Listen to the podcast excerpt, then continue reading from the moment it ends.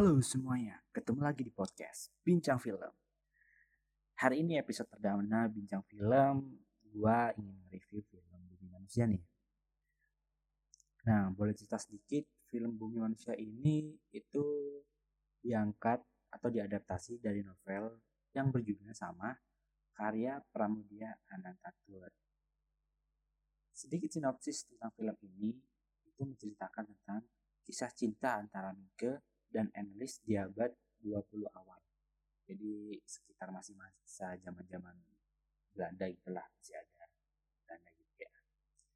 Nah, cinta yang dirasakan Mike itu membuat hatinya resah karena dia adalah seorang Jawa sedangkan analis adalah gadis berdarah campuran Indo-Belanda yang juga anak seorang non.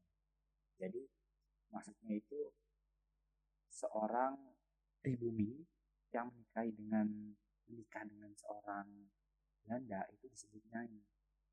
Nah, pada saat itu sebutannya itu dianggap kasta rendah. Jadi sebutannya sama seperti kayak hewan peliharaan.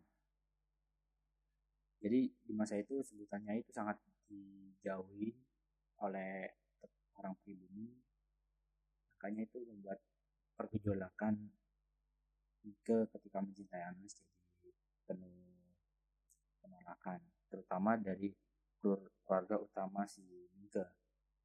Karena keluarga dari Mika sendiri itu adalah keturunan yang memiliki reputasi yang baik. Jadi keluarga Mika itu sebenarnya adalah bupati. Tahu sendiri kan gimana kalau orang orang Jawa yang memiliki kedudukan yang tinggi lalu dia mendek mendekati apa ya namanya bisa dibilang kayak kasta orang rendah pasti jadi omongan ya. Nah semakin hari Mika dekat sama keluarga si Anlis Mika juga semakin kagum nih sama pola pikirnya si Nyai karena dia berani melawan bangsa kolonial.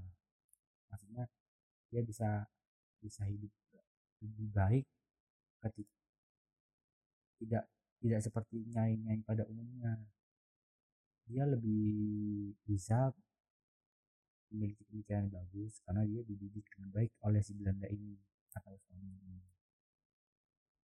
Nah, pada saat itu ada kasus si analis bukan kasus sebenarnya si analis ingin diambil oleh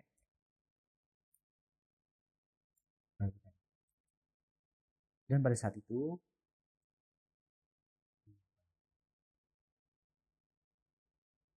dan pada saat itu tiba-tiba ada dan pada saat itu muncul sebuah permasalahan di mana ketika hukum Belanda ingin mencoba merebut analis dari Nyai juga ke karena menurut menurut hukum pada saat itu Nyai bukanlah ibu kandung dari analis sesungguhnya. Padahal dia adalah ibu kandungnya. Seperti itu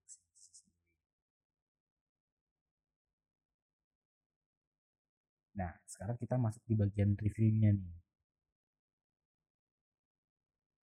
Nah menurut gua film film Bumi Manusia latar belakangnya sangat jelas ya menggambarkan keadaan pada masa abad kolonial. Gue suka latarnya sangat bagus jelas sekali tempatnya juga bagus diambilnya di Surabaya di daerah-daerah situ kelihatan sekali pada saat itu maksudnya kelihatan desa-desanya gitu sangat apik lah.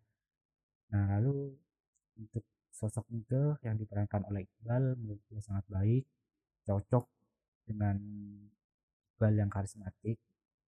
Tapi menurut gue ada satu bagian atau adegan ketika Mika ngobrol sama dokter di taman itu ada kan di situ si Mike ditanya oleh si dokter nih kenapa sampai si analis jadi seperti ini nih? Nah itu Mike antara marah dan sedih. Gue marahnya sangat kelihatan kalau si Mike marah tidak mau tidak tidak ingin menjawab si pertanyaan si dokter nih. Tapi dan juga dan juga si Mike merasa sedih atas apa yang terjadi nah ekspresi sedih yang di diperlihatkan ke itu menurut gue aneh karena air mata yang keluar cuma di salah satu bagian mata gue lupa yang kanan atau yang kiri gitu. Nah itu sih kalau menurut gue ekspresi sedih si Iqbal kurang berkuat aja gitu lalu eh ini si Nyai Ontosoro itu perannya juga sangat bagus yang diperankan oleh Sa Saina Febrianti bagus banget sangat menggambarkan ibu-ibu Jawa yang kuat tegas. Setelah dia mengalami berbagai macam hal dan dia dididik dengan baik semua benar kelihatan sekali. Sangat dengan baju kebayanya memperlihatkan baju memperlihatkan sosok-sosok ibu-ibu pada masa itu. Nah di sini ada nih bukan pemeran utama tapi menurut gua sosok ini sangat berpengaruh di, di alur ceritanya yaitu Dasam. Sangat kuat sekali dia sebabnya sangat memberikan kesan menurut gua. Mukanya sangar karena dia digambarkan sebagai seorang seorang dari keturunan Madura. Itu itu itu kalau gue itu yang gue lahir di yang besar di Jawa Timur kalau ngeliat Dalsam gue apa ya hmm, terhibur lah dengan actingnya di situ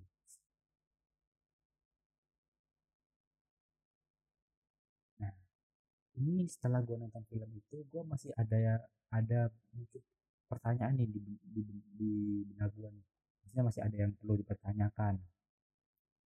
Uh, eh, gue juga kurang tahu apa karena filmnya terlalu panjang jadi uh, pemeran-pemerannya kurang tereksplor dengan baik. Karena kan ini juga diangkat dari novel ya kan. Jujur, gue belum belum pernah baca novelnya.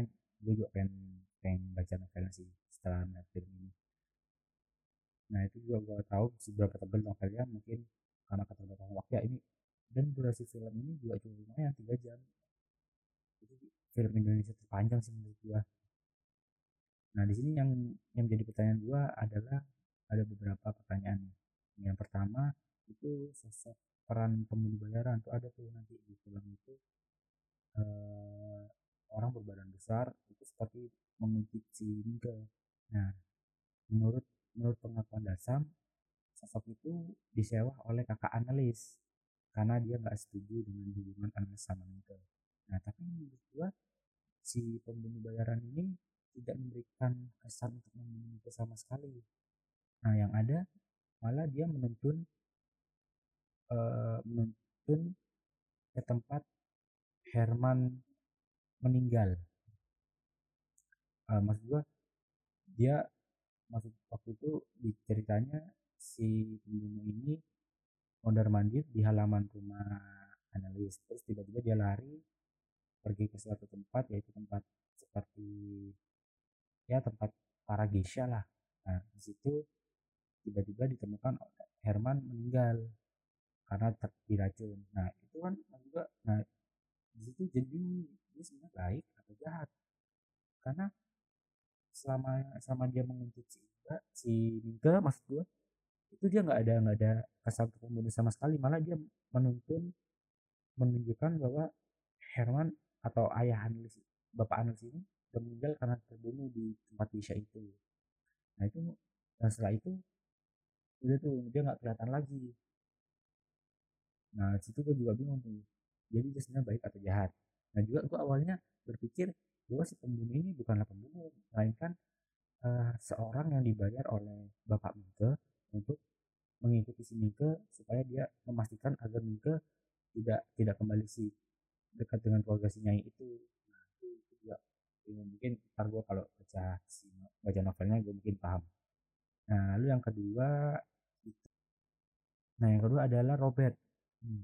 Dia berperan sebagai kakak analis yang tidak menyukai hubungan analis sama mungkin. Time frame ketika Robert maaf ya gua gua gua sensor ke An itu nggak jelas. Karena saat itu si Robert hilang tuh selama dua dua minggu. Atau dua minggu seminggu gue lupa. Nah di situ dalam time frame itu nggak nggak ada kelihatan sampai ketemu si Mingke Anis tidak memperlihatkan pernah ada kejadian itu. Nah itu menurut gue juga kurang jelas time frame nya nah pada pada saat ke pada saat si analis dan Mika tidur bersama pun itu tidak tidak diperlihatkan si analis pernah terjadi kejadian itu. Itu juga masih membuat gua bingung time frame-nya nggak jelas kalau menurut gua. Mungkin apa guanya yang nggak fokus atau apa saat menonton film itu. Karena waktu itu juga gua lagi kebelet. Tapi gua tahan karena nggak mungkin karena itu gua nggak fokus. Tapi nanti coba kalian deh lihat coba dipastikan apakah gue yang kurang jelas apa gimana. Lalu yang ketiga si Geisha nih. Ada di saat peng di pengadilan si Geisha ini menuduh bahwa si pemilik pemilik tempat yang membunuh uh, bapak analis nah menurut gua itu tidak masuk akal ya. Karena kan sebelumnya kan si pemilik ini diwawancara dulu tuh sama si eh, di apa diadilin dulu sama si uh, hakimnya. Karena dia menjelaskan ngapain gua membunuh orang yang sering datang ke sini? Nah itu juga tuh. Menurut gua si Gesha ini malah lebih ke psikopat. So, alibinya juga nggak jelas tiba-tiba dia menuduh si pemilik juga nggak pernah nggak pernah diperlihatkan memilih konflik nih sama si Herman atau Bapak Nulis. Nah, dari semua hal yang masih menjadi pertanyaan gue film ini, menurut gue film ini layak tonton, sangat bagus. Dan gue juga pengen nyoba nyoba cari, bahkan cari novelnya. Ini manusia, gue pengen baca. Overall, film ini gue nilai 8 per 10. Gue, gue juga suka nih film-film yang jenis-jenis kayak gini, jadi seperti mengingatkan kita akan sejarah kita gitu. Jadi baru mungkin ada film-film lain yang seperti ini.